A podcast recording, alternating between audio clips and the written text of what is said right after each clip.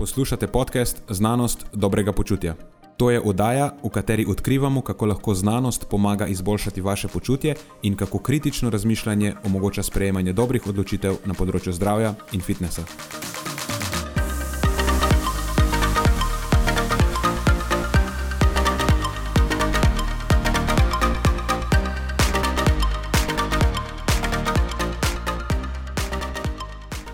Pozdravljeni, z vami sva Nenad in moj sovoditelj Matjaš. V uvodu v tokratno epizodo je najprej na sporedu vse pogostejša problematika relativnega energijskega pomankanja v športu, oziroma po domače ljudje, ki vadijo preveč in pojejo premalo, potem pa se pogovarjava o odvisnosti napredka in uspeha, od delanja napak, priznavanja napak in učenja na napakah. Osrednje teme epizode pa so prehranska priporočila za nogometaše, oziroma predstavitev smernic UEFA strokovne komisije za prehrano nogometašev, povezava uživanja kave z možgansko kapjo in povezava uživanja flavonoidov s krvnim tlakom. Preden začnemo, pa se moram zahvaliti še našim sponzorjem.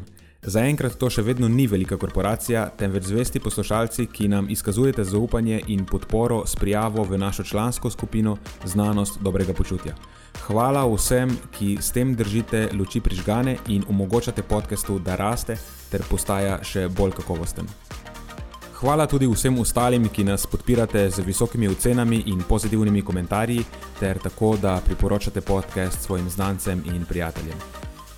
Zdaj pa je končno čas za začetek epizode. Uživajte ob poslušanju.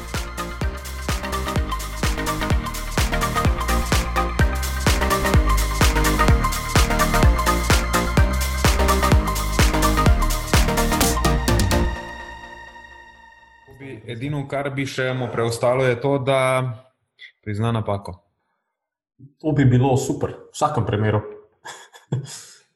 Ampak to je zelo neprivlačna opcija v trenutnem času, v sodobni ja. družbi. Priznavanje napak je redko. A, zelo, zelo, zelo redko. Nažalost. Ja, nažalost. Meni osebno se zdi to fina vrednota. Ja, Kapaciteta, ja, sposobnost ni vrednota. Čeprav tudi je vrednota po eni strani, da priznaš napako. Da ja, si ta je, tip, ki prizna napako. Ja, jaz tudi nimam nič proti tej. Vrednot. Jaz si to štejem kot eh, badge of honor, torej značko, kot neko značko. Ponašam se s tem, bi rekli, da sem sposoben priznati napako. Imam danes eno eh, stvar v zvezi s temi napakami. En del enega segmenta je, so napake. Okay. Pred kratkim sem se na enem drugem podkastu z eh, Juretom iz Kinvital pogovarjala o, o napakah. Okay, Nenad, obstajajo drugi podcasti o fitnessu in, in, in tako naprej. Tisto je nek, tisto je nek političen podcast, bolj, oziroma tako zelo obarvan. Sem si že oddahnil, no, redo, kar nadaljujem. Dobro, se nima veze, če so drugi, in tako glavno, da so bila mi do prva. the, the original fitness podcast. Ja, to je. Točno to. Šteje. Nima veze, če si dober, nima veze, če te ljudje poslušajo, glavno, da si bil prvi. Ja, glavno, da si prvi, to je vse, kar šteje. Čem ste se z Juretom pogovarjali? Mislim, o marsičem so se pogovarjali, ampak je en del tega podcasta takrat je potekal o, nič o tem, kako je pomembno priznavanje napak. Da dejansko lahko napreduješ samo na osnovi tega, da delaš napake in potem tudi, da jih, da jih priznavaš. Pa dobro, da ne bova zdaj začela nekje na sredi, bom potem probo to nekako bolj smiselno zapakirati kot celoto. Ok. V nadaljevanju. V nadaljevanju. A imaš ti kakšno aktualnost, ki bi jo delil z nami? Z ja, ja, v bistvu imam eno, eno super novico. Um, in sicer to, da uh, smo pred kratkim, ta teden, smo v okviru našega Filgud športno-prehranskega coachinga smo razrešili še en RDS problem. Torej, za tiste, ki ne veste, zakaj se gre RDS, oziroma Relative Energy Deficiency, je tak sindrom relativnega pomankanja energije. Pravzaprav se gre samo za to, da si športniki nakopljajo dalj časa trajajoči energijski primankljaj, bodi si iz naslova tega, da imajo tako visoko breme treninga in ne po narekovaji tankajo dovolj goriva za njim, ali pa, kar se še pogosteje zgodi, je, da so pod ne vtisom nekih eh, medijev ali vzornikov ali pa ljudi okoli sebe, ali pa še najhuje, kar se pri nas pogosto zgodi, nekih pristranskih mnen eh, trenerjev, ki jih potem zapeljejo do tega položaja, da izgubijo precejšen delež telesne mase z, z namenom kobajagi. Lovljenja neke idealne telesne sestave, ki tako ali tako sploh ni idealna za tisti šport. Um, In točno to se je tudi tokrat zgodilo. V bistvu, no. uh, en trener, trener K, te športnice, ki je k nam prišla, uh, je usuval razne uh, ideje, čudne ideje, ki zagotovo niso znanstveno podkovane, zaradi katerih je potem ta punca zelo shujšala in to v enem takem kritičnem obdobju njenega življenja. Uh, najstnica je namreč. In že več kot eno leto ni imela menstrualnega ciklusa, uh, Torej, zelo, zelo neugodna situacija, ki, ki že za zdaj ne bo dobra, kaj šele potem, kasneje v življenju. Zdaj pa zadnjih mesec, oziroma dobra, dober mesec, slaba dva meseca, sodeluje z nami v okviru tega športno-prehranskega coachinga in smo jo spravili nazaj v to pozicijo, da je spet dobila menstruacijo, nazaj, veliko bolje se počuti. In glede ga zlomka, tudi veliko boljši performance ima, kdo bi si mislil. Tako da ja, super novica po eni strani, pa po drugi strani pa zelo, zelo, zelo žalostno, da se take stvari dogajajo.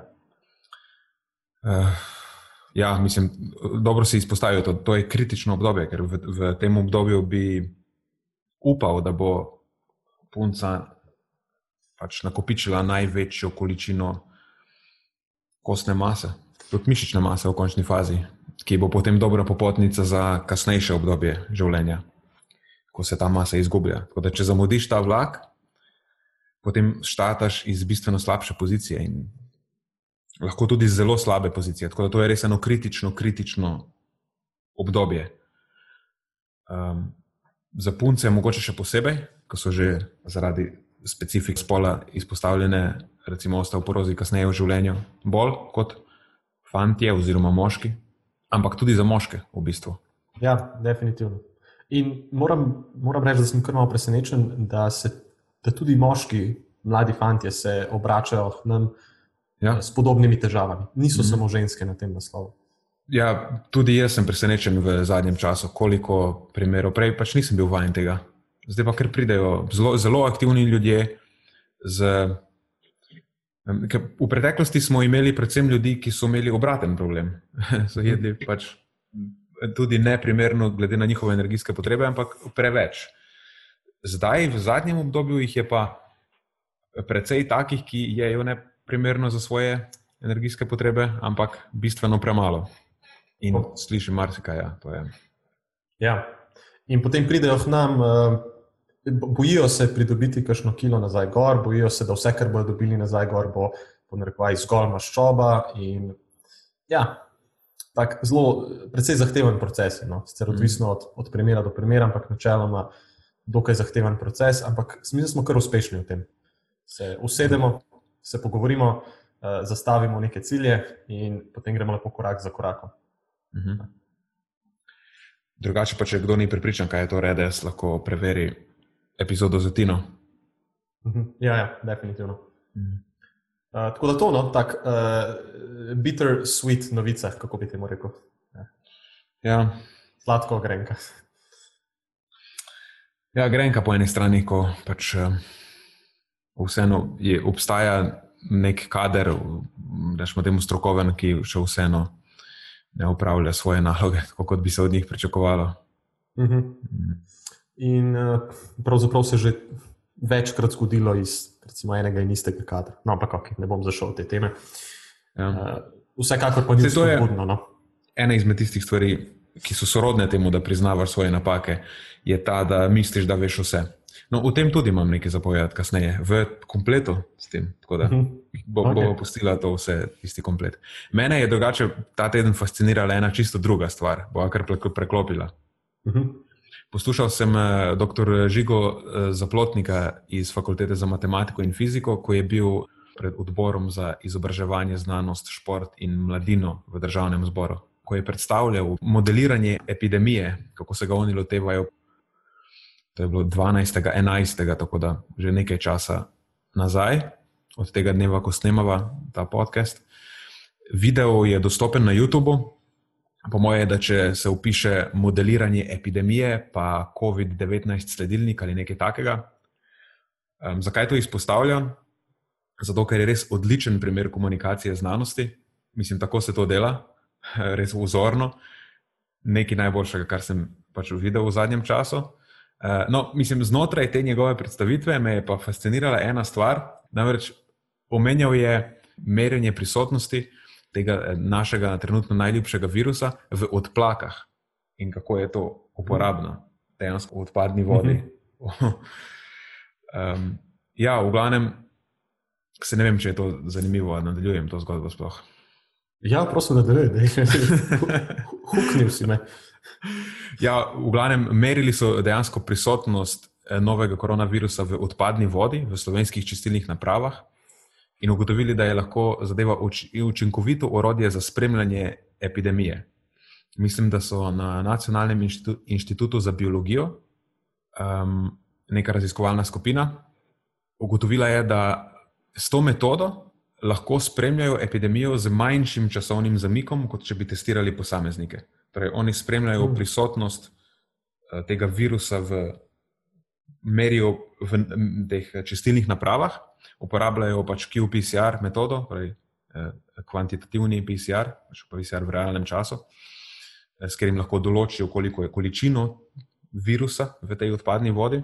In to so začeli potem, ko so ugotovili, da se ta novi koronavirus sprošča v blato okuženih ljudi in potem logično preko kanalizacije zaide v odpadno vodo. Da, mislim, res, kdo se je spomnil tega, prvo to. In vse te metodologije je res ena, ne, genialno. No? Uh mhm. -huh. In potem mislim, da nekje septembra so začeli s tem preizkusnim monitoringom na vem, sedmih čistilnih napravah in so ugotovili, da stvar deluje. Da so dejansko, zdaj, ko gledajo za nazaj, vidijo, da so opazili trend naraščanja že nekje v začetku oktobra, torej bistveno preden je sploh bilo zaznati porast okužb z eh, individualnimi testi. In se jim je pokazalo, da gre za urodje, ki bi lahko napovedalo naslednji val epidemije, oziroma v, v njihovem primeru ga je, zdaj mogoče naslednji tretji mislijo. Okay, to je pa fascinantno. Misliš, da bo to, ta metoda zamenjala potem individualno testiranje? Ne, mislim, da ima individualno testiranje druge namene in je tudi mm. uporabno na svoj način. Mislim, da epidemijo je spremljati smiselno na več različnih načinov in to je eden izmed njih. Čim več različnih podatkov lahko zajemaš, boljše odločitve lahko sprejmaš. Tako jaz vidim to zadevo. Uh mhm. -huh. In mislim, da pač uh, v tisti prezentaciji dr. Zaplotnik gre čez kup enih metod, kako spremljajo epidemijo. In pač želim si po eni strani, da bi, ne po eni strani, ampak po vseh straneh, da bi ga tisti odločevalci, takrat, ki so poslušali to, uh, upoštevali. Ker je v bistvu vse te metode potrebujejo potem neko podporo na nivoju ne, odločevanja, oziroma na neki politični ravni. Nekdo mora nameniti denar za to, nekdo mora uspodbujati to, narediti to uradno, v narekovajih.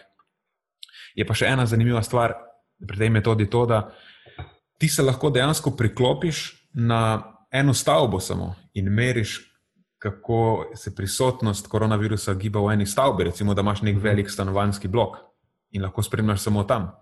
Tako da ni, da spremljaš ti samo populacijo, lahko, ampak tudi kaj se dogaja v, eni, v enem kompleksu, v eni stavbi.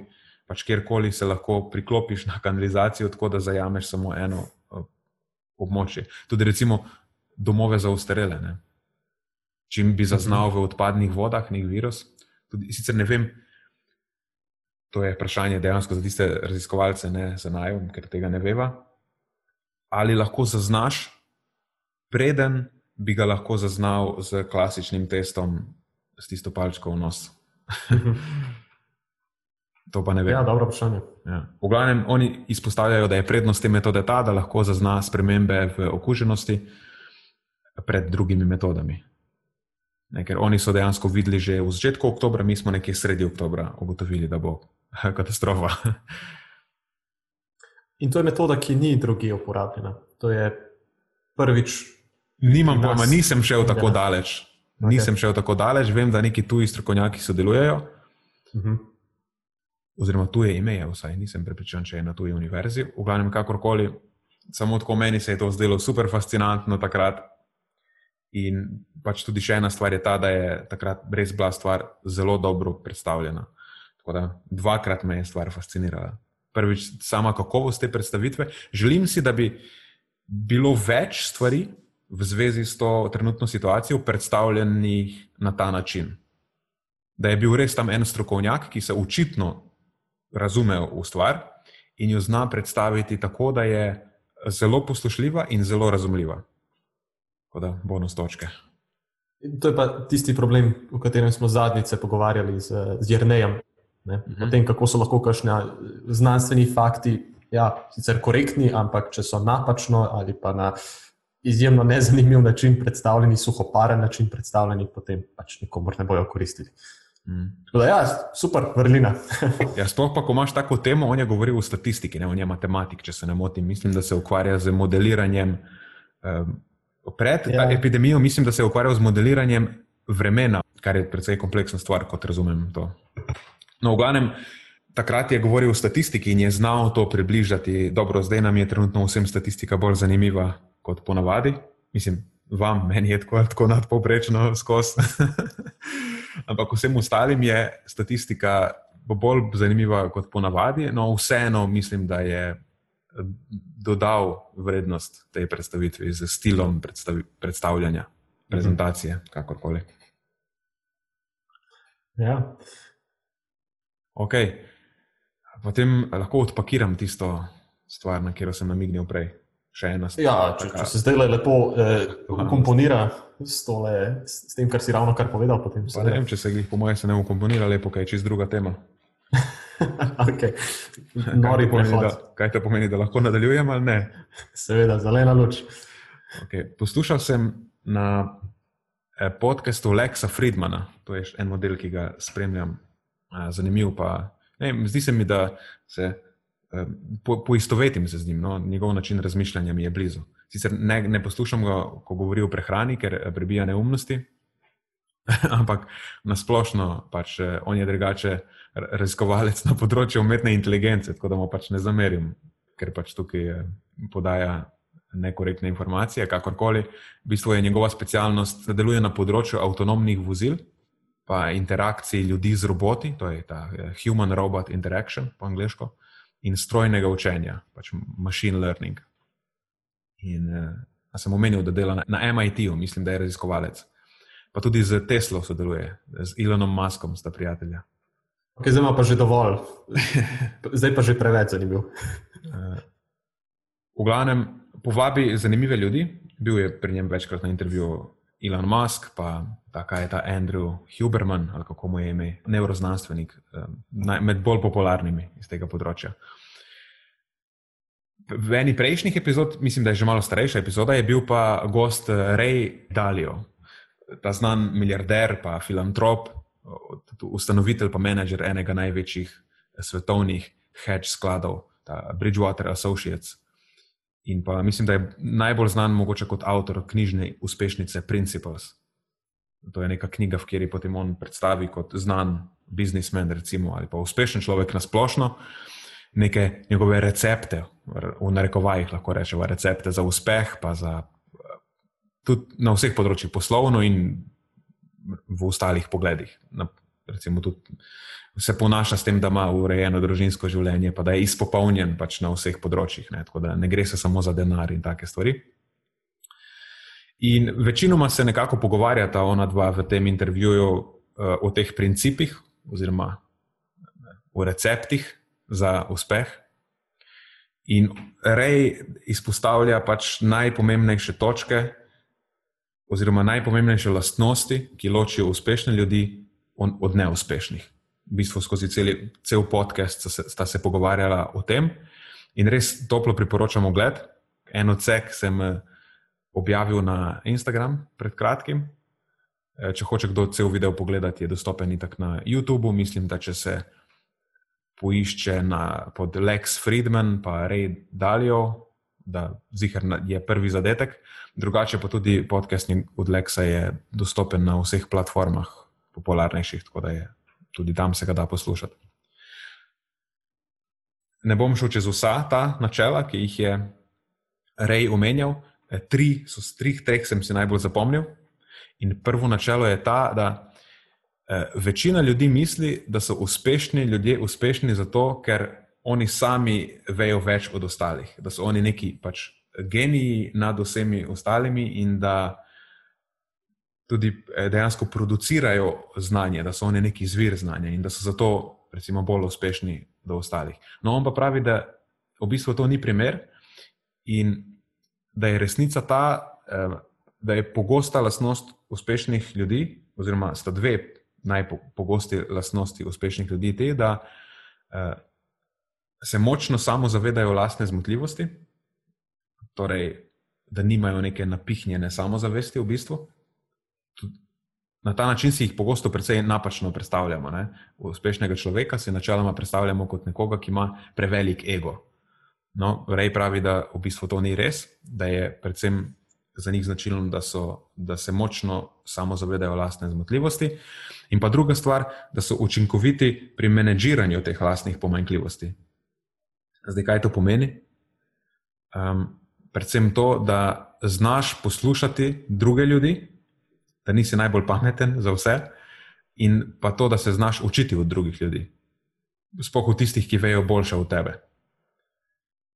In v tem kontekstu, kar je pa zelo pomembno in spet torej izpostavlja, da znajo poslušati tiste ljudi, ali pa predvsem tiste ljudi, ki gledajo na stvari drugače od njih. Ne da iščeš pa poslušaš ljudi, ki se strinjajo s tabo, ampak iščeš ljudi, ki ti imajo zapovedati, kje se motiš. In da je to super pomembno. Ne, na ta način menedžiraš lastne pomanjkljivosti. Ker pomanjkljivosti, ki jih imaš, jih lahko odpraviš samo tako, da ti nekdo pove, kje so, pa ti jih idealno potem tudi pomaga odpraviti. Ker on, če recimo teh pomanjkljivosti nima, če spoh, če govorimo o pogledu na svet, če ima nekdo nek drug pogled na svet, pa je njegov bolj točen kot tvoj, ker predvideva, da je recimo moj pogled napačen, potem on ve, kak je pravi pogled in ti ga lahko pomaga rešiti oziroma popraviti na ta način, da bo zdaj tudi tvoj dober. Tako da je pač to rešitev. Ne? Ponavadi ljudje ne, ne razmišljamo na ta način, oziroma se branimo idej, ki, jih, ki nam niso blizu, ki so drugačne od naših. No, to je porejevo recept za neuspeh. Mhm. Da si ustvariš svoj mehurček, znotraj katerega potem živiš. To je bila prva, prva njegova lekcija. Oziroma, ne vem, če je bila njegova prva, to je bila prva, ki sem se jo jaz odločil izpostaviti. In potem druga, ki se je pa meni osebno zdela najpomembnejša in tudi uh, tista, ki sem jo prej, v prej omenjenem podkastu z Juretom nekako tudi tam sam izpostavil kot neko zelo pomembno stvar, je pa učenje na napakah. Se mi zdi, da danes se smatra napake, kjerkoli, na kjerem koli področju, kot nekaj slabega. Ne, Bog ne daj, da se ti zgodi napaka, ker to je pa samo katastrofa. Ne, ne, izogibaj se napak, bodi eh, temu po angliško rečejo risk averse. Izogibaj se vseh situacij, kjer se lahko zmotiš ali pa kjer karkoli se ti lahko zgodi, da, bo, da boš ti spodleti, bog ne daj, da bi slučajno probal se lotiti tega. Ne, to je narobe, absolutno. To je popolnoma eh, napačen pristop, obratno od tega, kar je najboljše. Ker nič ni bolj, pa da je vam mogoče narobe v narekovaje, nič ni bolj narobe kot nek bolesten strah pred napakami um, ker napake so nujen in neizogiben del uh, tega nekega procesa učenja in napredovanja. Ne. Dejansko ne moreš, ne, moreš, ne moreš napredovati in postajati boljši, brez da delaš napake. To je možno samo v nekih pravljicah. V resničnem življenju nikoli, nikdar ni nekomu uspelo nekaj ustvariti dobrega ali pa postati dober v nečem, brez da se je zmotil vmes. Um, Okay, lahko je bil nekdo rojen v neko situacijo, ampak potem ni dejansko on tega ustvaril, potem mu je bilo dano. Govorimo o tem, da nekdo ustvari nekaj iz nič. Uh, mislim, ustvari ne pomeni, da je to materialno, lahko je tudi pač postane vem, dober uh, violinist. Najbrž se boš zmotil parkrat. No, um, še ena stvar, na tej točki, ki jo izpostavi Rej Dalijo, je to, da eh, njemu se zdi, da je človekov odziv na napako pravzaprav nek definirajoči moment, make it or break it. Ker to, kako se odzivaš na napake, naj bi bila ena izmed glavnih stvari, ki bo odločila, v kateri smeri boš napredoval. Ali proti cilju, pa proti temu, da, da boš dober v nečem, ali se boš vrtel v krogu, torej če se slabo odzivaš na napake, ali pa bog ne da, če se res slabo odzivaš na napake, da pač greš celo v stran od ciljev, torej v, v prepad te vode. In eh, zanimivo, kako po, potem on to razlaga, da je vsaka napaka, če jo znaš dobro analizirati in v bistvu potem prilagoditi svoje obnašanje na podlago te, te lekcije, da te transformira. In on, on uporabi besedo, eh, da je to priložnost za neko metamorfozo. In jaz si pa sem to predstavljal kot, da v bistvu vedno, ko narediš napako in ugotoviš, kje je bila napaka, in potem prilagodiš svoje vedenje na način, da več te napake ne bi ponovil, čeprav jo boš ponovil, ker samo na eni napaki ne boš kompletno, popolnoma znal prilagoditi modela, tako da se naslednjič več ne bo zgodila. V glavnem, kakorkoli, vsaka ta priložnost je tako kot da, da slečeš del svoje kože in se v bistvu leviš v novo žival. Tako kot kača počasi slači svojo kožo, tako ti vedno vsako svojo napako, ko ugotoviš, da si naredil napako in prilagodiš, slačiš to kožo in potem po seriji nekih napak postaneš v bistvu nova kača. Ali pa še bolj mogoče ekstremen primer bi bil, ko se pač eh, spremeni gosenica v metulja. Lahko postaneš čist neka nova oblika sicer iste živali, ampak pač drug fenotip. Um, kar pa nima smisla, je pa obsesirati z napakami, pa se obremenjevati z njimi pretirano, pa se kriviti, pa imeti slabo vest. Recimo, to, to, so, to so popolnoma neuporabni vzgibi, impulzi, je pravo beseda, vzgibi. Um, to, to ne vodi nikamor. Pač, ko se zafrkneš, ne, to, mislim, to je priložnost za učenje in za rast. To je edino, kako, kako je smiselno gledati za napake, je to, je to je edino. To je priložnost, da se naučiš nekaj novega. Ker takrat, ko, ko se je že zgodilo, je v bistvu izjemno neproduktivno je obsesirati s tem, ker ne moreš spremeniti več ničesar. Lahko pa se potrudiš ne narediti več tega naslednjič. Ampak res iskreno potrudiš, ne? ker to je tisto, joj, prosti, ne bom več, ne, to ne pomaga nobenemu. Uh, pač, ko zafrkneš, ugotoviš, zakaj si zafrknil, In tukaj spet, zakaj si ti zafrknil, oziroma jaz, ajde, ne ti. zakaj sem jaz kriv za to? Kakšen je moj del krivde? In v vsaki situaciji lahko to vajo narediš. Vse so situacije, v kateri nisi ti kriv. Pa ni bila dejansko, ne? pa nisem jaz kriv, ni bila moja krivda.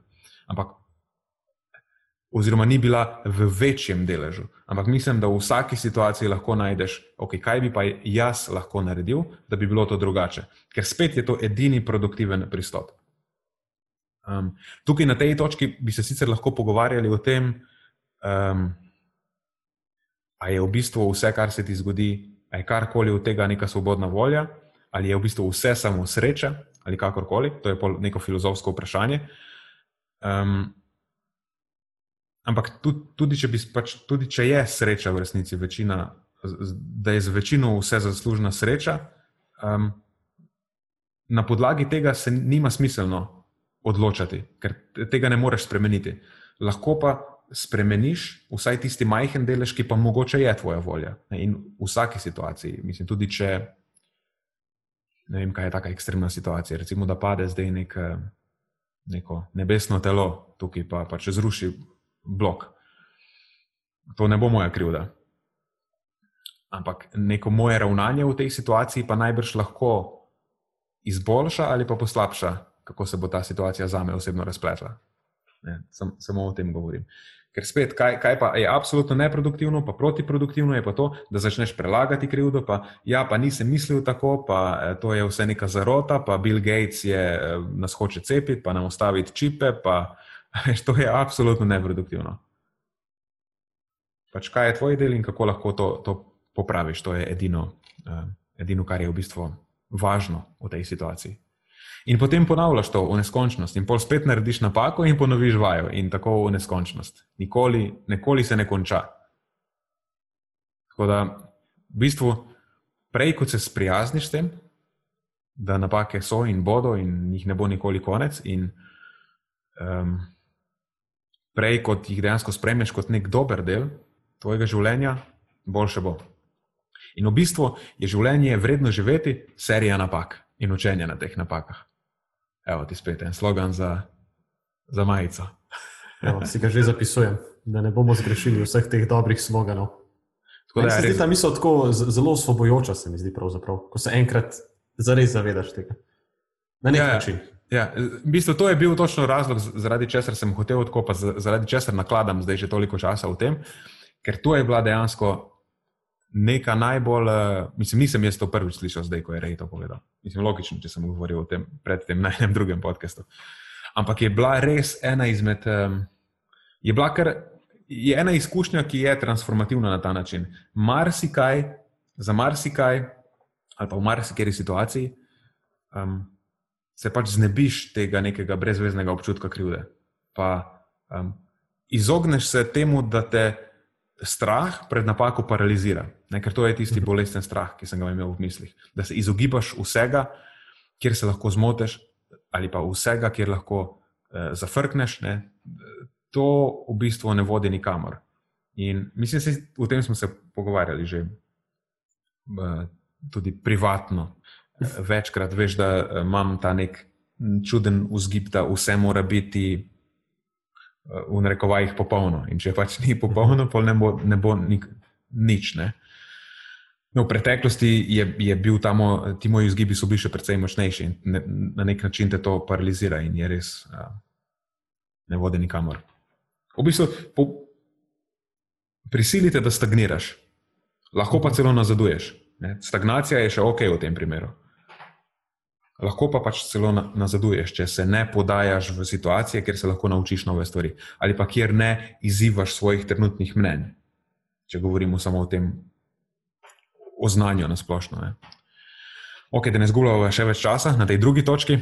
Tretja točka je sposobnost imeti v glavi dve nasprotujoči si ideji naenkrat.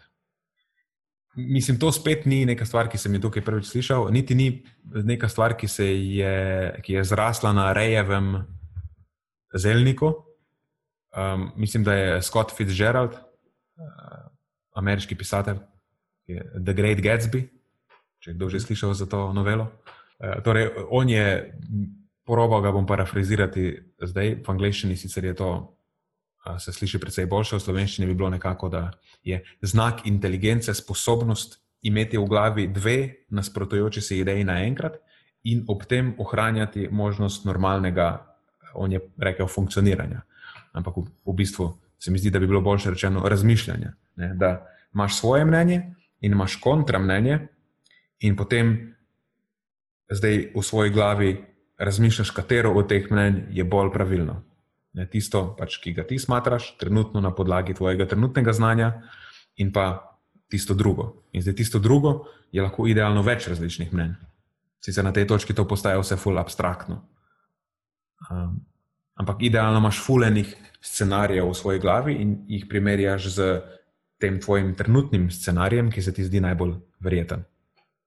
In ta točka tri se precej navezuje tudi na točko ena, da se obkrožuješ ne, z ljudmi, ki imajo ja. tako drugo Tako. mnenje, nasprotujoče si mnenje. Sicer sploh ne prideš do točke tri. Ja, v bistvu vse tri točke se na nek način uh, povezujejo. Ja. Ja, ker tudi moraš biti pripravljen sprejeti svoje pomanjkljivosti, v tem smislu pač svojo zmotljivost, moraš biti eh, pripravljen sprejeti napako, ker Ne, že, mislim, ta tretja točka izhaja iz tega, da obstaja možnost, da je tvoje trenutne prepričanje napačno. Ker če misliš, da vse, kar se v tvoji glavi pojavi, je resnično, potem apsolutno ni potrebe, da dodajes še drugo idejo, če je vse pač zlato, kar je v tvoji glavi. Um, tako da tukaj je proces v bistvu zelo, zelo preprost. Daš na, imaš, imaš neko idejo, daš na mizo vse karte, ne, narediš seznam zakaj se ti zdi ta ideja smiselna, na, na kateri podlagi je sploh nastala. Um, in potem daš na mizo tudi, dejansko se potrudiš, mogoče še bolj se potrudiš, ne mogoče, ampak skoraj sigurno se moraš še bolj potruditi, da najdeš razloge, zakaj ta ideja ni najbolj smiselna, pa kje, je, kje se mogoče motiš. Ker pač vsem nam se zdijo naše ideje samo oh in sploh najboljše. doskrat niti ne vidimo, kar bi lahko bilo vse narobe z njimi. Uh, potem v naslednji fazi, ne, mogoče pa še bolj pomembno, pa to, kot si že omenil, da te stvari deliš z nekom, da jih predebatiraš in spet, mogoče je tukaj uh, se dobro potruditi, da poiščeš nekoga, ki ima drugačen pogled na svet, ne, da, pa da od nekoga zahtevaš konstruktivno kritiko, tako kot jaz od tebe danes zjutraj, ampak uh, potem nisi mi želel ustreči, nisi hotel me kritizirati. to je to, ne? mislim, meni je najhujše, ko mi kdo pove, da je vse v redu. To je, mislim, ok. Moja misija sicer je bila, da, da, da najdem kaj, da skritiziram kaj, ni mi uspelo. No. To je bil bolj problem. Ne to, da te nisem želel uh, už, užaliti, po narekovaji. Ja. Ej, na tej točki nisem našel. na tej točki, mogoče eno stvar lahko izpostavimo, to je bila ena, res me je super zabavala. Eh, škoda samo, da niso dobila še revija zraven. Pred kratkim sem omenila, da imamo samo petke na reviewih. Zdaj nam je nekdo dal enko. In meni se zdi to super. Nekaj to je super. Ali dobiš petko, ali dobiš enko, meni je to vse super. Ker sta dva ekstrema, ne? to so ekstremne ocene in to nekaj povejo o tem. Očitno sva nekoga, očitno sva nekoga res zadela v srce, da, da je stisnil enko. Ampak to ni pomembno. Mene bi res zanimalo, zakaj. Da nam pove. In jaz bi to zelo objektivno bi upošteval bi njegovo, mislim, če bi bilo, ne, če, ne bi, če ni bilo dano za brezveze, to je pač brezveze. Tako da, če ima kdo dati še za enko, naj da enko in naj, naj zraven napiše, zakaj ta enka, da, da bo vedela.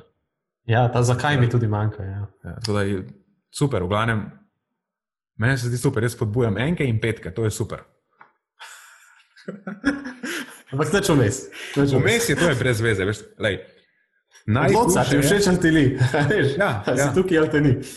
In to je čisto v skladu, se mi zdi, z mojim karakterjem. Jaz opažam, da ljudje, ali sem jim kul, cool, ali me absolutno sovražijo. In to sprejmem. Uno vmes na sredi, to je, to je za me poraz. To je absolutno poraz za me. Tuna mlačna voda, to je. Meni ni, spoh mi ni napad, če me ljudje ne marajo, le, uspodbujam in to. Ne? Ne strinjanje. To, to, to je čovna ena stvar, ki smo zadnjič tudi v njej že debatirali. Ampak ok. Da v bistvu um, na nek način imam raje, da me ljudje mi povejo, kaj ni v redu, kot pa da me hvalijo. Mislim, da se ta stvar zdaj postaja osebna, ampak ok. Če koga to zanima. Hvaljenje v glavnem ni uporabno, ne? to sem hotel reči. Če te nekdo hvali, to je, to je sam brez veze. To ti nikamor ne pomaga.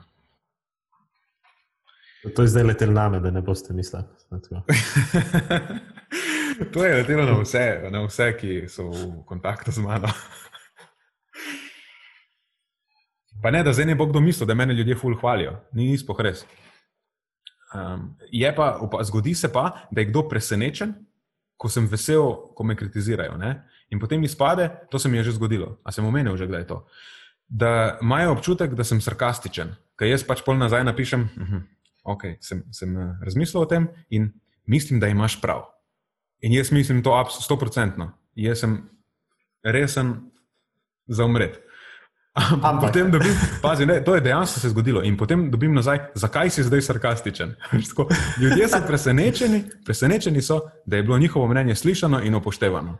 Ja, seveda so presenečeni. Kolikrat se pa to zgodi, kolikrat se je pa tebi to zgodilo? Ja, ne vem, jaz ne vem, s kom drugim ljudje komunicirajo, ampak ljudje, ki komunicirajo z mano, če so njihove eh, kritike um, upravičene, potem so vedno, so vedno ja. upoštevane. Tako da ne razumem.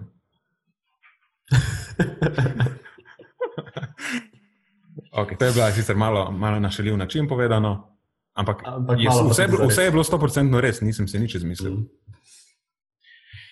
Ok, to je, pa je bi mogel biti nek podcast, kjer se pogovarjamo o znanosti in o tem, ne samo nakladamo in filozofiramo.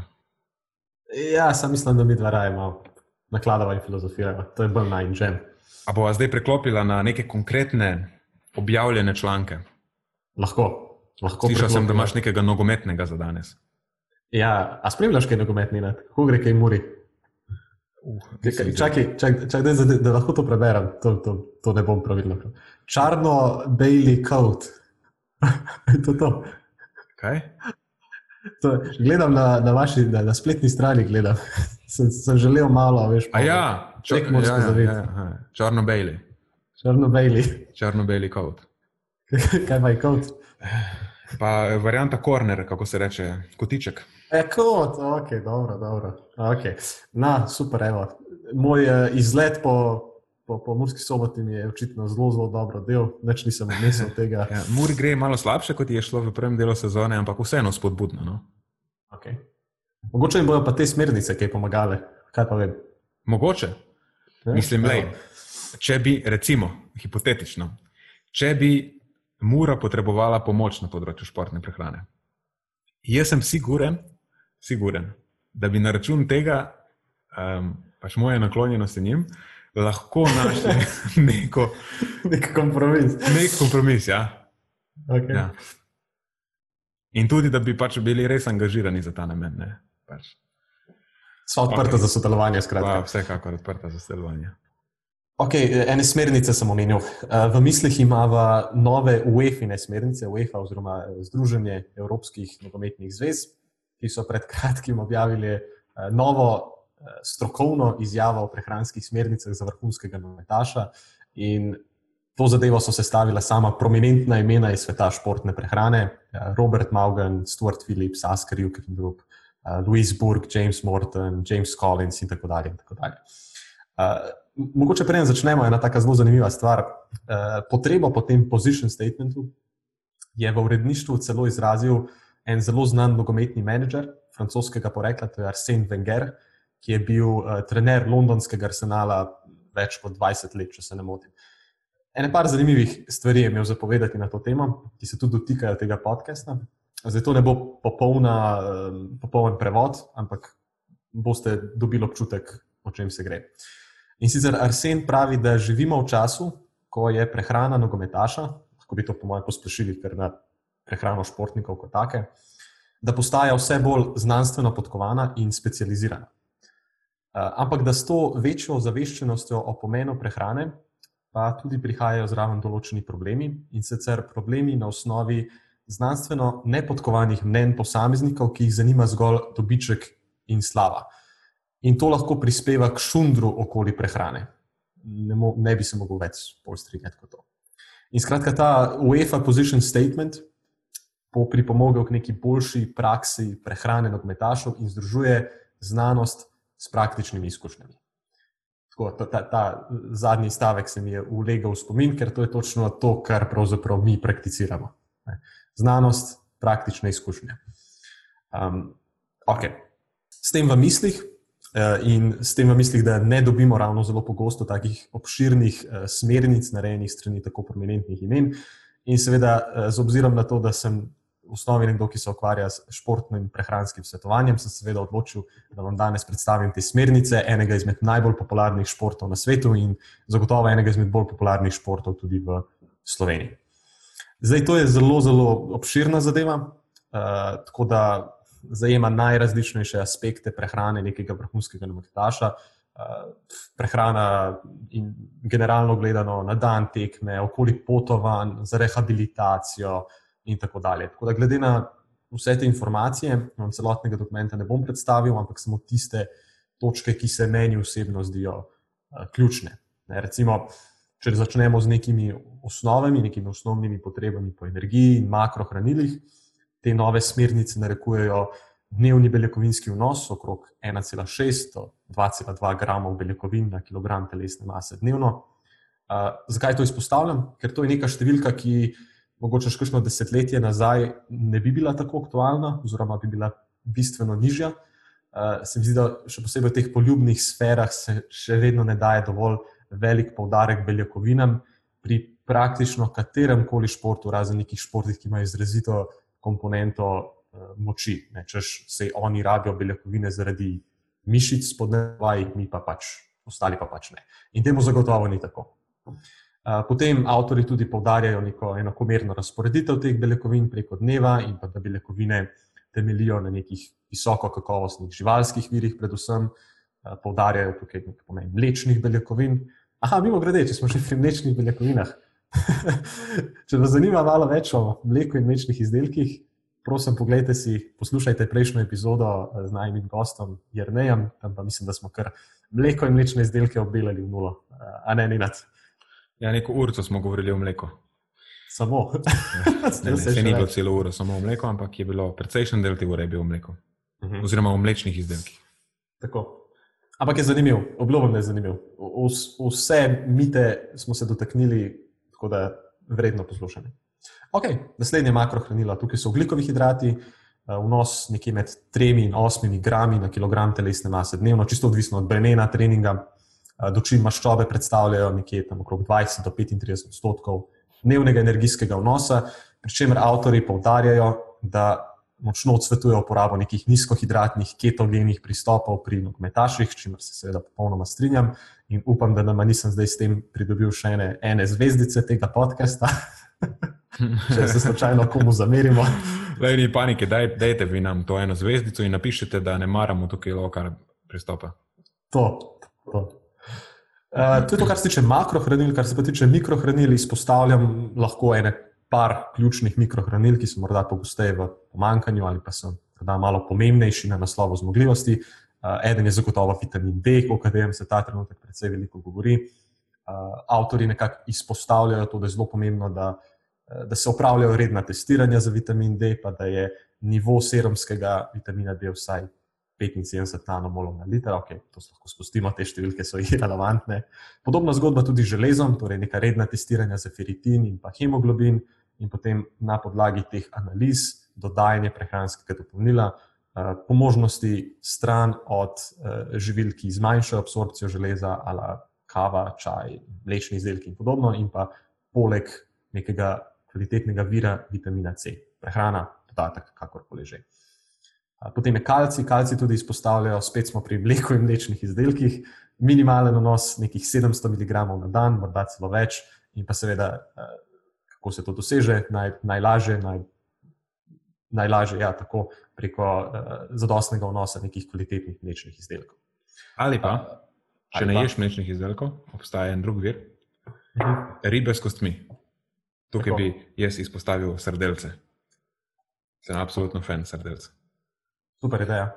Pa mogoče še nekaj za naše vegi prijatelje. Tofu je tudi relativno ok vir. Uh, morda Zaradi razmistek. postopka pridelave, se mi zdi. Tako je. Ja. Zakaj se mora dodajati kalcij? Za... Uf, nisem nisem prepričan. To bi mogla Jrneja vprašati zadnjič. Je že zgubila svojo priložnost. Ne, se ga bo povabila nazaj. Če poslušaš, Jrnej, snemamo naslednji vikend. Naslednji že ima ura o tofuju, o svojih izdelkih. E, pa se tukaj imaš tudi zvoljenih zanimivih tem. Veš pa tofu in gajno, uh, torej te ginekomastija in podobne stvari, to, pa testosteron, evo, mislim, da se polno enih zanimivih tem najde. No, evo, vidiš. No, samo ideja. Uh, aha, potem so tukaj neke smernice, kar se tiče prehrane okoli tekme, uh, nek minimalen, približen dnevni vnos, tukaj je nekih 3500 kalorij dnevno in pogosto se zgodi, da igralci seveda tega ne pokrijejo. To je zgolj neka odskočna deska, ne, da, ne bomo, da smo si na jasnem, ki se jih potem uh, prilagaja posamezniku individualno in to je tudi nekaj, kar mi seveda delamo v praksi. Mm. Vzamemo te smernice, jih, um, kako bi ti mo rekel, uh, ne samo da jih vzamemo brez nekega pomisleka in obzira, ampak samo kot neka odskočna deska, uh, ki jo potem prilagajamo posamezniku in njegovim potrebam. Se to smo že ne vem koliko krat rekla, da dejansko ni neke šablone. Ne? Eh, po kateri bi lahko vse. In niti v enem športu, niti znotraj ene ekipe ni šablone. Če imaš ti osebo, ki je težka 90 kg, pa je te, druga, ena druga je pa težka 75 kg, marsikaj spremeni.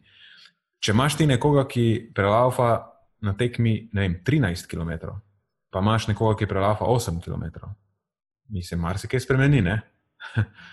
Tako da, uh mhm. -huh. definitivno je potem vse te specifike potrebno upoštevati. Tako, res je. Uh, no, če smo že na naslovu te energije, vsekakor večji delež energije tukaj prihaja, oziroma uh, povišene energijske potrebe prihajajo na račun višjih potreb po oglikovih hidratih, maščobe se lahko tukaj tudi zelo malo spusti, čisto zaradi potencijalnih nekih težav z, z prebavo na tisti dan, česar si seveda ne želimo. Tako da vnos hidratov se potem giblje v tistem višjem delu preomenjenega ranga, tam proti 8 gramom na kilogram telesne mase, s posebnim podarkom nekega obroka parih ur pred samo tekmo in pa ustreznim hranjenjem med samo tekmo, nekaj cirka 30 do 60 gramov hidratov na uro, ponovno odvisno od posameznika.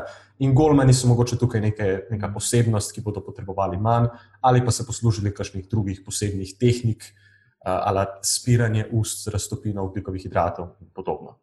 Potem pa so tukaj še neke specifike v primeru tekmovanja na višji zunanji temperaturi, in podobne stvari. Ne. Spet nekaj, kar individualiziramo. Potem je tukaj ta segment o prehranskih dopolnilih, ki se pravzaprav je popolnoma v skladu s position statementom Malgana in sodelavcev iz leta 2018, torej tista peščica dejansko uporabnih prehranskih dopolnil, kreatin, kofein, betalanin in pa nitrati, poleg nekih oglikovih hidratov med samo vadbo, pa preomenjenega vitamina D in pa omega-3, če temu posameznik ne more zadostiti preko prehrane kot take. Vitamin D. To je bila ena stvar, ki. Kdo je to izpostavil? Martin McDonald, se mi zdi. Je imel eno izkušnjo z. Uh, je bil Derby County, nisem prepričan, nek, nek eh, prvoligaš, se mi zdi, oziroma premier ligaš. In je razlagal njegovo anegdoto, kako je prepričeval nogometaše, da jemljajo ta vitamin D. Okay. Ja, mislim, je dolga zgodba, ampak so jim nastavljali na mizo med, med obroki, da je bilo treba vzeti. V glavnem, on je nekako se pritoževal, pritoževal v narekovajih, da nogometaši niso, niso bili zadosti dosledni pri jemanju tega vitamina D, eh, vsaj ne v taki meri, kot si je on predstavljal, da bi bilo to potrebno. V bistvu bi zadevo lahko zlahka rešil. Ne? Vitamin D pogosto dobiš ja. v kakšnih kapljicah, pa jih pokapaš čez kosilo, večerjo, kakorkoli že, brez okusa, so nihče ne bi opazil. To, ja, to potem ne veš, če so dejansko pojedli. Ne? V bistvu razmišljam, da je rešitev, praktična rešitev za nekoga, ki ima težave z jemanjem vitamina D, to pri vitaminu D lahko narediš, eh, druge, ne, mislim, pri drugih v vodi topnih vitaminih to ni opcija, da pač vzameš megadozo. Uh mhm. -huh zračunaš, koliko so dnevne potrebe, in vzameš vem, za mesec skupaj. Ni idealno, ampak boljše kot nič je. Ne, če imam nekoga, ki mi pozablja, ja, ki mi pozablja jemati, ne vem, po enem tednu vprašam, okay, v tem tednu, koliko krat si se spomnil vzeti dnevno dozo. In mi pa reče, um, dvakrat. Ok, v redu, to je slabo, ne? mislim, to ni nič. Pač vzemi enkrat na teden, lahko je to nek začetek. Ker enkrat na teden se valjda spomniš. In potem naslednji teden vzameš spet, in naslednji teden vzameš spet. Če se ne spomniš enkrat na teden, potem pač jemlji mesečno dozo, ne morem ti pomagati drugače. Ja, točno to. V bistvu imam točno enega takega fanta na, na našem športnem prehranskem coachingu in sicer eh, zelo nedosleden je pri imanju vitamina D, kakor tudi omega-3. In potem so izbrala en dan v tednu, kjer ga malo mega dozira za cel teden in to je to. In tega se lahko drži, je dosleden pri tem, no problem. Ampak to je spet specifično na hranilo. Ne? Recimo, že kot je povedano, pri C vitaminu tega ne moreš narediti. Ne, jo, ne boš naslednji dan preživel na VC-ju. Ne, ne, boh ne da, boh ne da. To, ja. to je strategija za neko zelo, zelo tako omejeno peščico dopolnil. V bistvu je to strategija skoraj samo za D vitamin, pa pač ok, A, ampak kdo, je, kdo suplementira A, nihče. Um, E pa najbrž tudi ne, E pa itak ne priporočam suplementirati, ker zaradi večjih razlogov. V glavnem, ni nobenih znanstvenih dokazov, da bi bilo suplementirati v sintetičnih oblikah kakorkoli koristno. Ja, vitamin E pač se dobi iz hrane. Ampak to ni zdaj tema tega. ne, ne, so, je pa tako, kot zanimivost. Mm. Skratka, če bi lahko na hitro zelo povzel, to se mi zdijo neke ključne točke se pravi, dokument se ukvarja tudi s prehrano tekom rehabilitacije, kar je sicer nekaj, kar smo mi že obdelovali na tem podkastu, in se smernice bistveno ne oddaljujejo od tega. A, potem prehrano za vrhunske mlade nogometaše, za sodnike, eh, prehrana med potovanji in podobno. Tako da, kogar zanima, priporočam branje tega dokumenta, ki bo zagotovo prišel tudi v našo uh, Patreon skupino, skupaj z ene par uh, zanimivimi infografikami. Tokrat. Zadnjič so bili eni grafi v igri, a ne ena zelo zanimiva tokrat infografike. Ja, v bistvu so bili modeli, scheme. Modeli, par, tako. Oh, okay. en, en komentar imam na to temo in sicer, da nismo ravno odkrili tople vode s temi smernicami, če se lahko izrazim. Gre se zgolj, pod narekovaj, zgolj za obvladovanje nekih prehranskih osnov. Ampak ravno te osnove so ključnega pomena za dolgoročni uspeh. Vedno iščemo nek magic pill, kakorkoli že. Ne, zadeva ne poteka to. In v bistvu me je ob branju tega dokumenta se spomnil na en pogovor, ki smo ga imeli z, z Marijo, na enim prijateljem, sodelavcem, ustanoviteljem podjetja Filgut več podrobnosti. Uh, če se prav spomnim, je podcast številka šest, Filgudu na splošno, kako tudi v Marju. Skratka, Marjo je bil takrat... gost. Marjo je bil tako. gost v tistem podkastu. Ja. Tako, naj prvi gost, ki je dobil to čast. Uh, ja, je bil prvi Marju... gost, čakaj, moram izpostaviti, oprosti. Ja, prvi gost v prvem slovenskem fitness podkastu. In, ja. Bravo, vsaka čast. Kako nadaljuješ, izvoliš? Hvala. Torej, pred kratkim sem Marijo kupil eno knjigo uh, z naslovom Raise Your Game od Elena Steina. Uh, je, on je delal z enim izmed najboljših košarkarjev na celem svetu, recimo Kobe Bryant, uh, počivaj v miru, uh, Kevin Durant, Stephen Curry in tako dalje. Jaz knjige sicer še nisem prebral, mi je pa Marijo povedal med drugim en zelo zanimiv odsek te knjige, ki se navezuje ravno na ta segment, o katerem sem govoril. Uh, kjer je Ellenstein prvič spoznal Kobe Bryant. Zdaj, Marijo bi to zgodbo zagotovo bolje povedal, ampak ok, da ne dolgo vezim. Gre se v osnovi za to, da ko je Ellenstein prvič spoznal Kobeja, je ponižno pristopil k njemu in ga prosil, če ga lahko pride gledati, kako on trenira. In Kobe mu je rekel, da lahko in da začne s treningom naslednji dan ob 4. 4 zjutraj, da smo si na jasnem.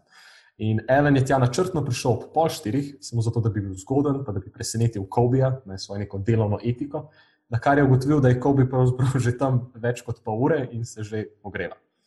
No, na to je Ellen opazoval ta trening in ugotovil, da Kobi bolj kot ne vadi neke osnovne gibalne vzorce košarkarjev. In to ga je zelo presenetilo. Nekdo, ki je bil najboljši na svetu, bil takrat, da vadi ob takih nenormalnih urah več ur zapored, samo osnove, samo osnove, samo osnove.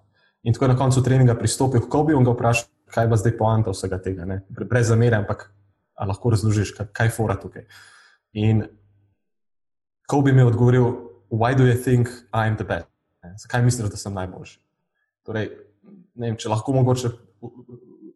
Speljem ven neko ključno, ključen moment te zgodbe. Nekako osnove so ključnega pomena. Ne? Obvladajte osnove, obvladajte jih dobro, in enako velja tudi za prehrano.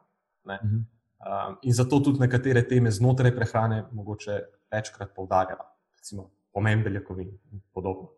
In to je tudi ena izmed lekcij, ki jih mi uporabljamo pri svojem delu z našimi mladimi športniki, v okviru tega športnega coachinga, ki sem ga danes že stokrat omenil. Mislim, to je nekaj, to je nekaj ja. kar uporabljamo pri delu z vsemi ljudmi. Tako, tako optimiziramo osnove, ne, neke potrebe po beljakovinah, energiji, hidraciji, peščici, prehranskih dopolnil, kot sem že omenil. Uh, in to je to. To si zelo dobro izpostavil. Mislim, da je ena stvar, res, mislim, to je res ključna stvar. Če hočeš biti v nečem dober, pa se ni samo stvar prehrane, pa ni samo stvar košarke, moraš vzljubiti proces v tem smislu, da si sposoben iz dneva v dan izvajati osnove. Ker če samo stremiš k končnemu cilju, pa iščeš bližnjice, pa misliš, da ti bodo te bližnjice uh, pač ja, prinesle, um, da te bodo hitreje pripeljale do cilja, zato da boš lahko čim prej nehal izvajati te dolgočasne osnove. To ponavadi ni pot do cilja, ampak je pot v, v brezno ali pa vrtenje, pot v, do vrtenja v krogu.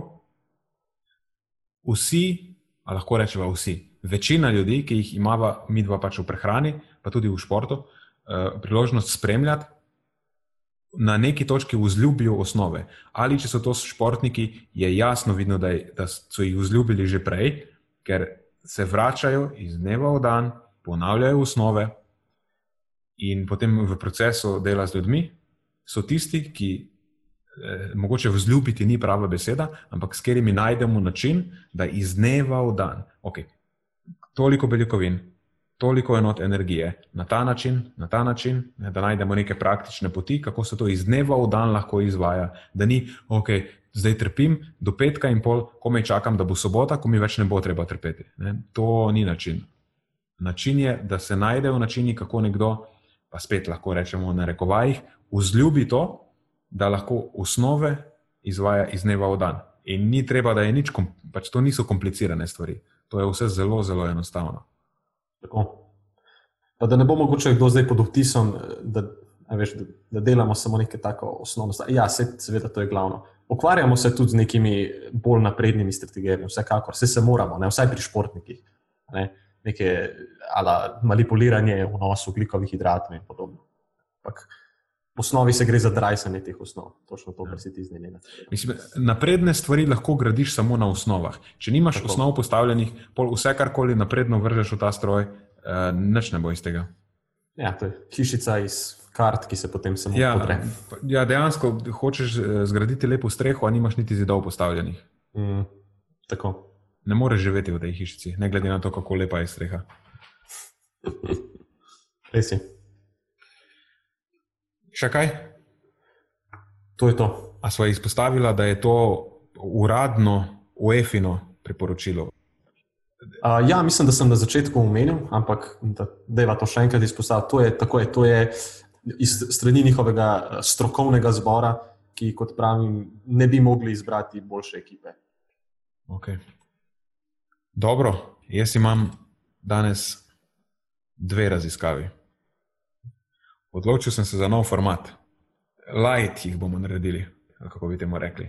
Mhm. Bistveno manj brez zvezdnih podrobnosti. Ja, samo ključne stvari bomo izpostavili. Prva stvar, kava. Zdaj ste najbrž opazili, da kava in mlečni izdelki, ne, to je vzorec, te stvari se ponavljajo. Ne, ker je kupenih raziskav, ki ugotavljajo pozitivne učinke teh dveh skupin živil. Ne vem, če kavi lahko rečemo skupina živil, pač napitek. Um, Kar jaz konzumiram, je definitivno ja. lahko.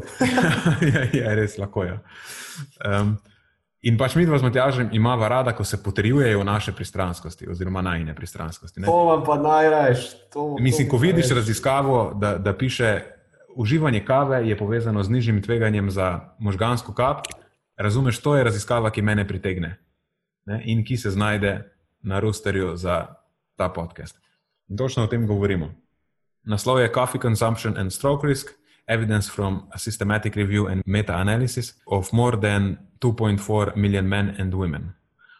Sploh ne vem, zakaj sem bral ta angliški naslov, lahko bi kar direktno prevedel v slovenščino. Pač uživanje kave in možganska kap, dokazi iz sistematičnega pregleda in meta-analize na več kot 2,4 milijonih moških in žensk. Objavljen je bil v Journal of Stroke and Cerebrovascular Disease. Avtori so bili štirje, ampak bom omenil vse štiri, zato ker se preprosto zvalijo vse iz jezika. In sicer avtori tega članka so Shao Tang Wang in He 2020. Wow. wow. to so se pa uskladili, da so bili v tem vrstnem redu. Ja, iz Kitajske so. V glavnem iz oddelka za neurologijo, v, to je neka srednja bolnišnica v Nančongu, nekaj takega. V glavnem gre za meta-analizo tega razmerja odmerka odziva. Vključene so prospektivne raziskave, bilo je 21 raziskav na 30 neodvisnih kohortah, torej, kot že rečeno, skupno je bilo to več kot 2 milijona, oziroma več kot 2,4 milijona, milijona udeležencev. In meta-analiza pač zaključuje, da je uživanje kave povezano z znižanjem tveganjem za možgansko kap. In razmerje je take neke v oblike, torej najvišje, oziroma tveganje je pač ena tam, kjer kave ne uživaš, in potem pada do 3 do 4 šalice na dan, torej najnižje znižanje, oziroma najvišje znižanje in najnižje tveganje je pri 3 do 4 šalicah na dan, znižanje je 21 odstotno, in potem po teh šalicah pač se ne zgodi več nič. To je nek, oziroma celo počasi, mogoče začne naraščati. Torej, to pomeni, da lahko pač dodamo v, na seznam ugodnih povezav zdrave in kave tudi možgansko kap. Večno. Na ta seznam se sam še daljša in daljša in daljša. Ja, ja. Spet, mogoče na tej točki lahko izpostavimo, da so pač to kohortne raziskave, da gre za opazovalne raziskave, da na podlagi tega sicer ne moremo sklepati, o, da gre za kakršno koli vzročno razmerje, ampak samo kot zanimivost, ko imamo razmerje odmerka in odziva, je to eden izmed kriterijev, na podlagi katerega pa lahko sklepamo o vzročnosti, eh, skupaj z vsemi ostalimi, temi Bradford Hill kriteriji, se temu reče. Um, in sploh, ko pa imamo zdaj že tako maso različnih povezav, kave s pozitivnimi učinki na zdravje, različnimi. Um, mislim, to zdaj najbrž ni več na ključje. Mhm. ne, ni zdaj, da ne vem, nekdo, ki ljudje, ki pijejo kavo v večji pogostosti, počnejo neke druge stvari, še, ki so povezane z zdravjem, in da gre za ta učinek. Ne. Mislim, da počasi že lahko sklepamo, da tukaj nekaj je na tej kavi. Mhm. In dejansko je. Sploh v sodobni prehrani vemo, da je kava včasih tudi številka ena vir antioksidantov. In polifenolov. Ja, polifenolov. Ok, to je bila prva. Mhm. Vidiš, zelo, zelo na kratko, zelo učinkovito. Sploh ne morem verjeti, to je to, hecaš se. To je to. Ne, da pet nazaj, pa še malo razdelaj. Ne verjamem. Ne verjamem. Ne, pazi, imam drugo bolj zanimivo. Um, ta je bila pa, ne bom sploh bral angliškega naslova. Uh, z biomarkerji so ocenjevali vnos flavonolov in ga nekako, v bistvu so ga probali povezati z kardiovaskularnimi dejavniki tveganja, so ga pa najmočneje je bil povezan z krvnim tlakom, torej z nižjim, znižanim krvnim tlakom. Raziskava je presečna na Epic Norfolk kohorti, to je neka kohorta pač malo starejših posameznikov, ki je del te velike vseevropske Epic kohorte, ki mislim, da so jo enkrat že omenjali, če se ne motim. Svaja, res je. Pač gre za kohorto, ki zbira podatke ljudi iz cele Evrope in tudi je eden izmed večjih repozitorijev uh, teh raznih vzorcev. V glavnem, objavljena je bila ta raziskava v Nature Scientific Reports, Otavijan in sodelavci, tukaj je bilo kupenih ljudi, ki se ne, njihova imena se ne zvalijo tako elegantno z jezika kot imena prejšnjih. Pa se pa kar ustavi. Ja, Ne, ne zato, želimo ker- več. Ja, omenim, ker Otavijan in sodelavci konc. Ja. Spet govorimo o presečni raziskavi. Um, mislim, da v prejšnji epizodi smo omenjali, da nismo bili ljubitelja presečnih raziskav, ker nam pač ponudijo pogled v samo en trenutek časa, ne moreš nekih stvari jih sklepati na podlagi tega, lahko pač eh, ugibaš o nekih povezavah. Ampak zanimiva stvar, mene kupijo raziskave, ko so z biomarkerji. to je stvar, tukaj jaz, ko vidim biomarker, ok, začnem brati. Um, to je recimo neka metoda, ki v preteklosti ni bila pogosta, uh, tudi ker pač nis, niso, ni se vedelo, konkretno v tem primeru, kaj so biomarkerji, biomarkerji uživanja flavonolov, ne? kako to spremljaš v krvi, kako to zmeriš. Pač metode niso bile dostopne, čisto enostavno povedano. Zdaj, ko se ta metodologija razvija, je vedno več in več teh raziskav. In zakaj je to zanimivo? Čisto zato, ker ljudje so zelo slabi v tem, v ocenjevanju tega, kar pojejo. In tudi v tej raziskavi se je pokazalo enako.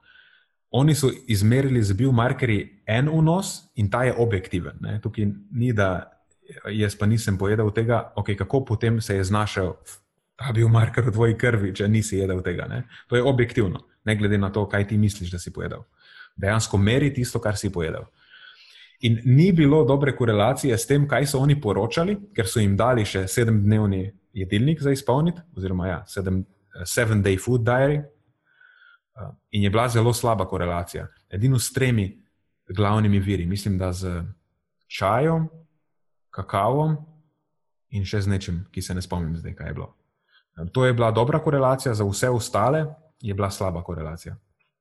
So pa nekako sklepali, da je čaj bil glaven vir flavonolov v tej uh, kohorti. Zdaj, tukaj na tej točki flavanoli, ne flavonoli. Ne, to je razlika. Uh, gre za oboje sta razreda flavonoidov, to so v eni izmed prejšnjih epizod omenjala. Mhm. takrat so, so rekla, da so, bili, da so bili določeni razredi teh flavonoidov povezani z nižjim tveganjem za kognitivni upad. No, tukaj ta raziskava je preverjala konkretno samo en razred flavonoidov, torej fla, flavanole. Um, čist kaj so to, te, ne vem, če to koga zanima, kakorkoli, flavonoli, spet je, ne, meni se je zdelo zanimivo, skoraj ena pesmica. Kako si zapomniš te flavonole, ne? so katehin, epikatehin galat, epigalokatehin, epigalokatehin galat in to je to. V bistvu zlagaš jih, zapomniš si enega in drugega in potem.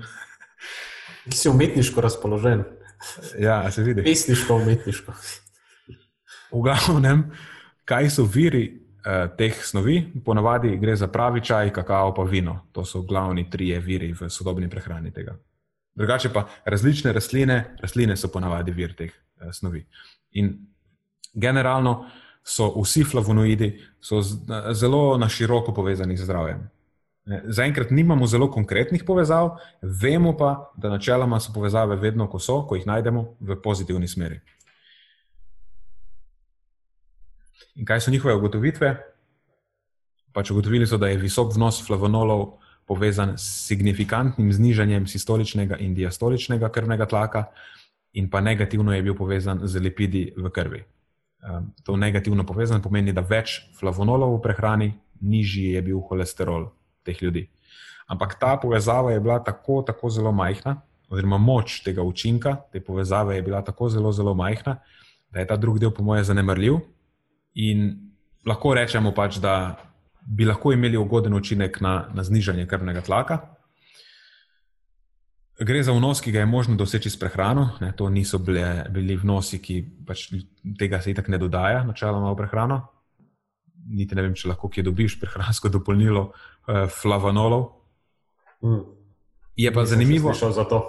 Ja, je pa zanimivo to, da, oziroma to je ena stvar, na katero je smiselno biti pozoren. Ko nekdo reče, povezali smo neko stvar z pozitivnimi učinki. Ne? V tem konkretnem primeru z znižanim krvnim tlakom. Je bila, učinek je bil statistično značilen, ampak gre za znižanje sistoličnega krvnega tlaka pri moških 2 mm živega srebra in pri ženskah 2,5, približno. Hm rečem približno, zato ker so uporabljali razne tehnike, potem, ne, razne modele za ta adjustment, za prilagajanje, za zavajajoče dejavnike, za te confounding factors, ne, za kot je starost, kajenje in tako naprej. Um, ampak dobro, bom o tem povedal malo več kasneje, ker tudi tukaj je bilo malo neke sumljivosti. Bile, no? V glavnem, 2 mm živega srebra, to je recimo, kaj to pomeni za posameznika, nič kaj dosti, ker če ima nekdo povišen krvni tlak, pa ga ima vem, 140, ne, če ima 2 mm nižjega, je to še zmeraj 138. Ne, to ni nekaj, o čemer bi jih pisal domov. Zdaj, kaj pa to pomeni lahko na populacijskem nivoju, je pa druga stvar. Ne, če vzpodbujamo uživanje živil z višjim vnosom flavonolov, zato, računa, zato da pač računamo, da bo to povzročilo 2 mm živega srebra, nižji sistoličen krvni tlak pri vseh ljudeh v populaciji, to pa lahko potem pomeni nekaj drugega. Ne, tako da, spet, o čem govorimo. Ne, ne bo nihče mhm. znižal svojega krvnega tlaka, s tem, da pač spije skodelico čaja več. Ne, lahko pa je to koristen javno zdravstveni nasvet. In tudi zanimivo, potem oni na koncu rečejo, da to je recimo učinek, ki je primerljiv z znižanjem soli v prehrani. Ne, spet je znižanje soli v prehrani nek nasvet, ki je smiseln na javno zdravstvenem nivoju, ni pa pogosto smiseln na individualnem nivoju, ker je vnos soli v povprečju, v populaciji, tudi odraža splošne navade te populacije. Ne, ne gre samo za visok vnos soli v prehrani. In če mi populaciji rečemo, znižajte svojo sol v prehrani, to ponavadi povzroča še neke druge spremembe, ki so koristne. Če pa jaz rečem nekomu, eh, čist recimo na privat coachingu, ok, pojej dva grama soli manj. Pač on konkretno bo razmišljal o soli, ne o drugih stvarih, kjer je lahko mi vatarčno nasloviva tam. In individualno to ni najbolj smiseln na svet. Je bolj smiseln na svet, recimo, izogibaj se predelanih izdelkov, ki vsebujejo veliko soli. Uh mhm. -huh. Tako da, ok, spet, zašel sem. Ne, ne, ne všeč mi je, da si zašel na to temo, ker je zelo, zelo smiselno. Ravno nekaj, o čemer smo se v bistvu danes privatno pogovarjali. Ja, Razlike ja. med javno-zdravstvenimi nasveti in nasveti ena na ena.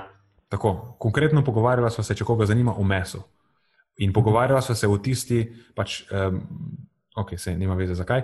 Pogovarjala smo se o, nedavno so bila, to je bilo lani, objavljena Nutri-Rexi, ena strokovna organizacija, ki pač neodvisno pregleda literaturo in podaja svoje poročila na razne prehranske teme. In bilo je precej kontroverzno, kontroverzna so bila njihova priporočila o uživanju mesa. Oni so ocenili celotno maso dokazov, ampak so uporabili kriterije, grade kriterijem se reče, ki so namenjeni za vrednotenje biomedicinskih raziskav, v bistvu so za, predvsem raziskav, ki um, preverjajo neke farmakološke intervencije, torej zdravila, in so potem te, te grade kriterije nekako poskusili predelati, da bi bili nutri grade, da bi lahko z njimi tudi prehrano mhm. vrednotili, oziroma prehranske raziskave. Ampak to, pač prehrana ni, ni biomedicina. Uh, To je zelo tako, tako področje, kjer zelo, zelo hitro potem eh, pride do nekih zelo čudnih zaključkov, ki eh, niso najbolj korektni, pa niso najbolj uporabni. V glavnem, gre se za to po domače, da ti grade kriteriji dajo veliko težo randomiziranim, eh, kontroliranim raziskavam, pa zelo razvodenijo rezultate opazovalnih raziskav, dočim vemo, da v pač prehrani so opazovalne raziskave zelo pomemben kos. Um, uh -huh. Sestavljanke. Ja, zelo pomemben kot sestavljanke, lahko tudi zelo močen dokaz, da dajemo neka priporočila na javno-zdravstvenem nivoju. In pač javno-zdravstvenih priporočil ne moreš razviti samo z randomiziranimi, mm, kontroliranimi raziskavami. Reci, to je pač neuporabno. Ja, mislim, to je kdorkoli trdi, da bi morali v prehrani opustiti. Sploh, ko govorimo o prehrani za zdravje, pa skozi daljše obdobje časa, opustiti opazovalne raziskave, ne vem, kako to lahko lepše povem, ampak nima pojma. ok. okay. Um, mogoče zdaj za konec, če omenil sem prej tista prilagajanja uh, zavajajočih dejavnikov.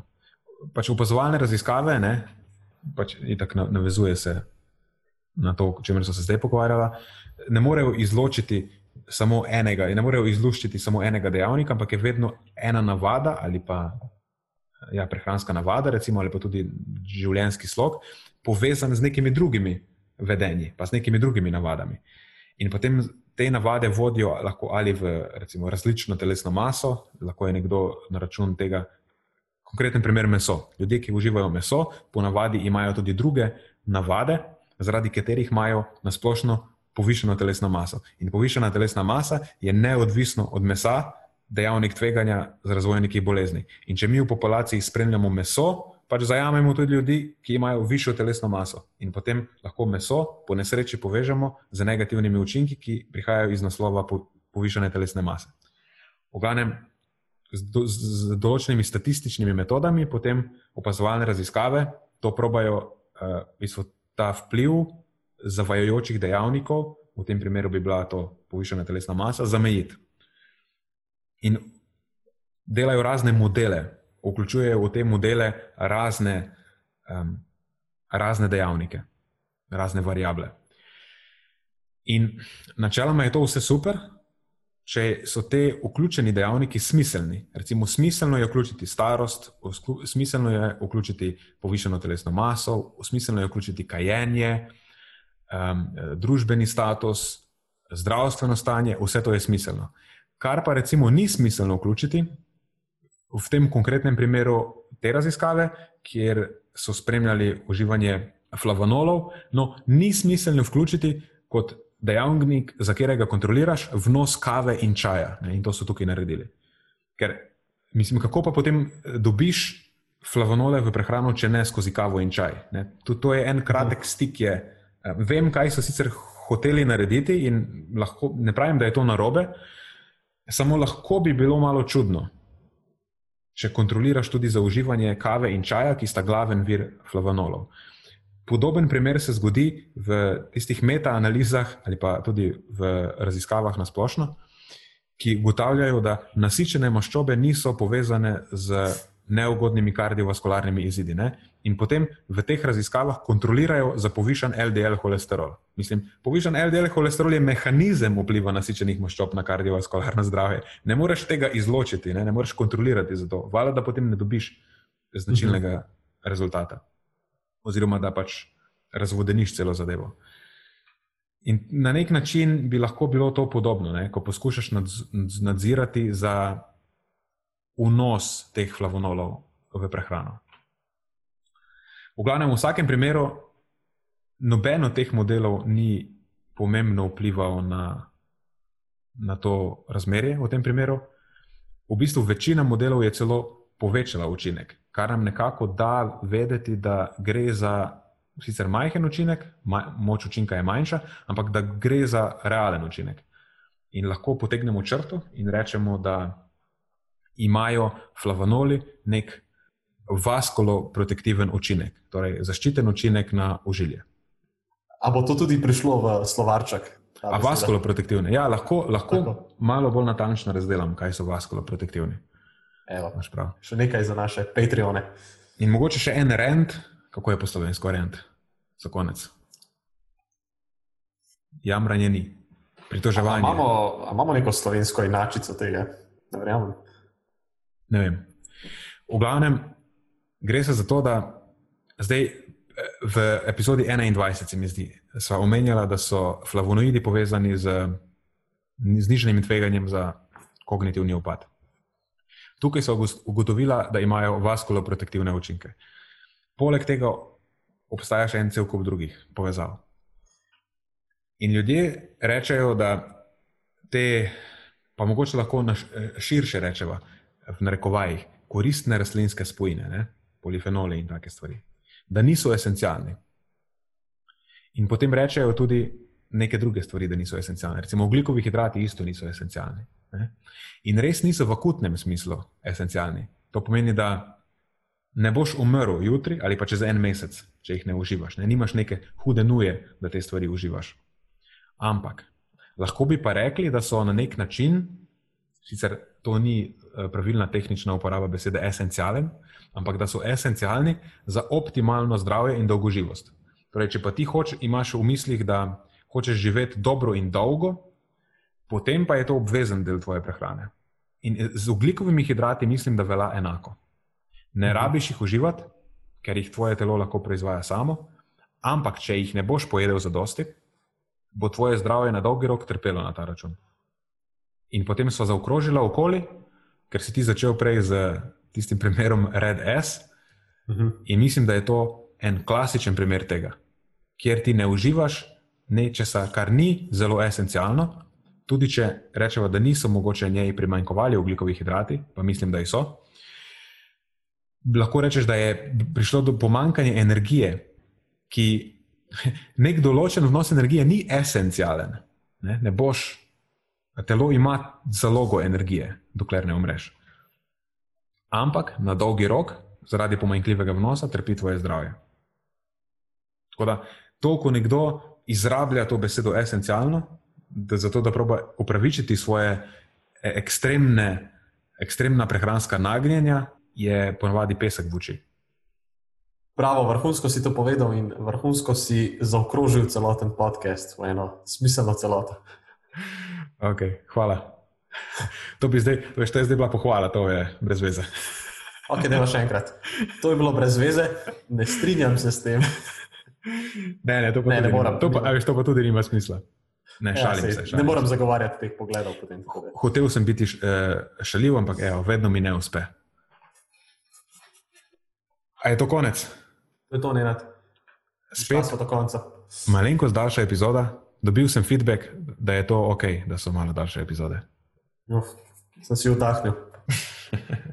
Nenad, hvala ti za še eno super epizodo. Hvala tudi tebi. Hvala seveda tudi vsem poslušalcem. Ne? Bilo je zabavno. Ja. Mhm. In evo, In se, za konec, ja, se... evo, ne, za konec, ne smemo tega pozabiti. Lej, stisnite nam kak review, jaz skozi preverim, če so kakšni novi, petka, enka, to so spremljive ocene. vse ostale, ja, vse ostale je brez veze.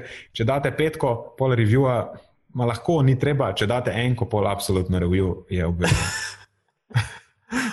In na tej točki zaključujemo še eno epizodo. Se slišimo naslednjič. Ajde, čau. To je za tokrat vse iz naše strani. Hvala, ker ste poslušali do konca. Če mislite, da je bila današnja epizoda pomembna, jo prosim delite s svojimi znanci in prijatelji in jo priporočajte dalje, saj s tem omogočite, da doseže čim večjo množico. Hvala vsem, ki nas podpirate s članarino in tudi vsem ostalim, ki delite podcast dalje in nam izkazujete naklonjenost z visokimi ocenami in pozitivnimi komentarji. Se slišimo prihodnjič, do takrat pa ostanite premišljeni.